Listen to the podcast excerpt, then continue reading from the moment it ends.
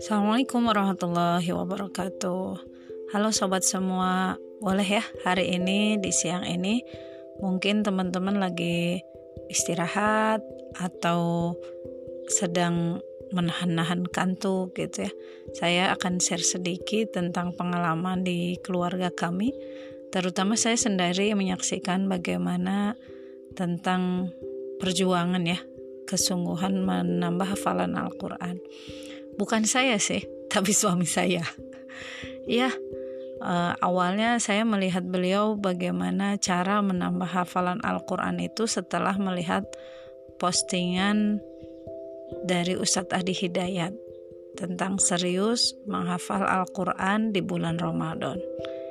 Seperti kita tahu dari salah satu kitab ada dua bagian yang akan dapat bersama Al-Quran. Yang pertama adalah ahli Quran dan yang kedua adalah sohibul Quran.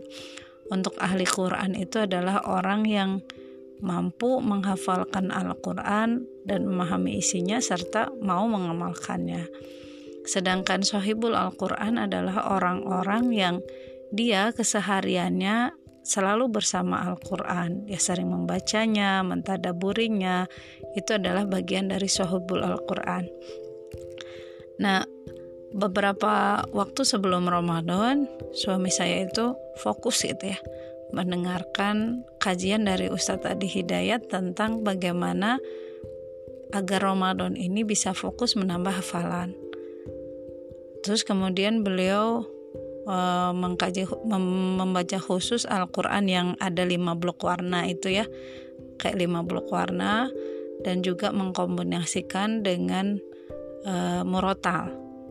Jadi sepertinya yang beliau hafalkan, terus kemudian untuk murojaahnya biar benar sekaligus sambil mendengarkan murotal seperti dapat bimbingan gitu ya dari ustadz mendengarkan murotal ditirukan menah, menahafal lagi mendengarkan lagi gitu.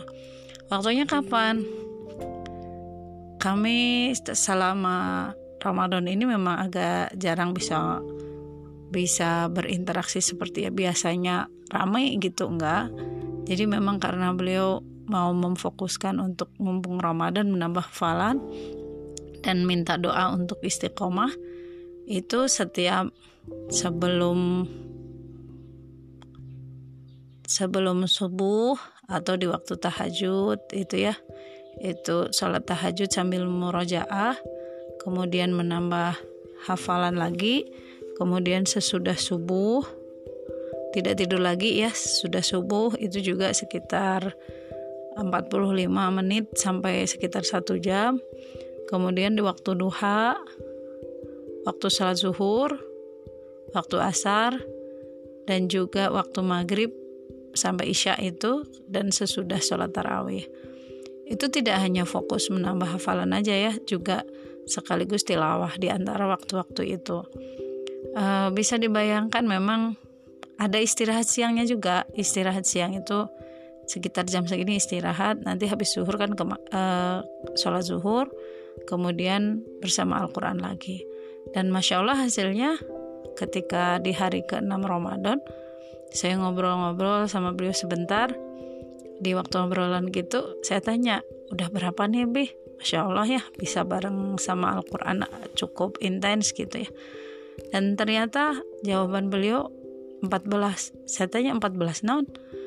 14 nya alhamdulillah 14 halaman artinya satu hari itu bisa sekitar dua setengah. Dua setengah halaman dan kata permintaan dari beliau adalah doakan biar bisa istiqomah gitu nah itu masya Allah kalau saya sendiri saya masih mengaku ya lumayan karena menyiapkan sahur, menyiapkan berbuka bersama anak-anak. Tapi alhamdulillah beliau masih bisa membersamai anak-anak untuk mengaji, menambah hafalan anak-anak. Itu masih sama beliau yang handle. Jadi kalau saya tetek bengek yang kecil-kecil di rumah itu saya. Dan rupanya memang kami ter, uh, tergeraknya gini ya kalaupun misalnya keluarga kami tidak semuanya bisa menjadi ahli Quran semoga bisa menjadi sohibul Quran dan semoga bisa ada salah satu gitu ya mungkin di antara doa-doa dari orang-orang yang terdahulu kakek nenek kemudian buyut itu bisa jadi ada yang mendoakan agar keturunan mereka itu ada yang bisa menjadi ahli Quran. Dan kami berharap itu ada di antara keluarga kami bisa seperti itu. Uh, kayaknya cukup sekian aja ya. Uh, semoga interaksi kita dengan Al-Quran di waktu Ramadan ini bisa bertambah. Ternyata ada ada lagi yang beliau pelajari selain dari Ustadz Adi Hidayat itu waktu kami lihat di salah satu tayangan gitu ya tayangan di YouTube untuk menghafal tanpa menghafal. Nah, itu cuma dilihat itu. Tapi ternyata beliau bukan tipe visual, lebih ke tipe auditori. Jadi lebih cocok mendengarkan sambil membaca daripada uh, mempraktekkan yang Syekh Ali Jabir ajarkan itu ya. Ada Syekh Ali Jabir mengajarkan kalau tipe-tipe visual itu bisa di uh, Al-Qur'an agak diangkat kemudian agak geser ke kiri mata melihat aja tanpa dibaca itu sekitar satu menit bisa satu baris memori kita men-scan gitu ya memori otak kita men-scan untuk menambah hafalan dan suami saya bukan tipe yang bisa mempraktekkan itu. Akhirnya kata beliau sudahlah Abi sama kebiasaan Abi sendiri aja gitu ya. Jadi alhamdulillah mohon doanya semuanya. Semoga bisa istiqomah dan bisa ikhlas lillahi ta'ala dan bisa menjadi bagian dari orang-orang yang cinta bersama Al-Quran.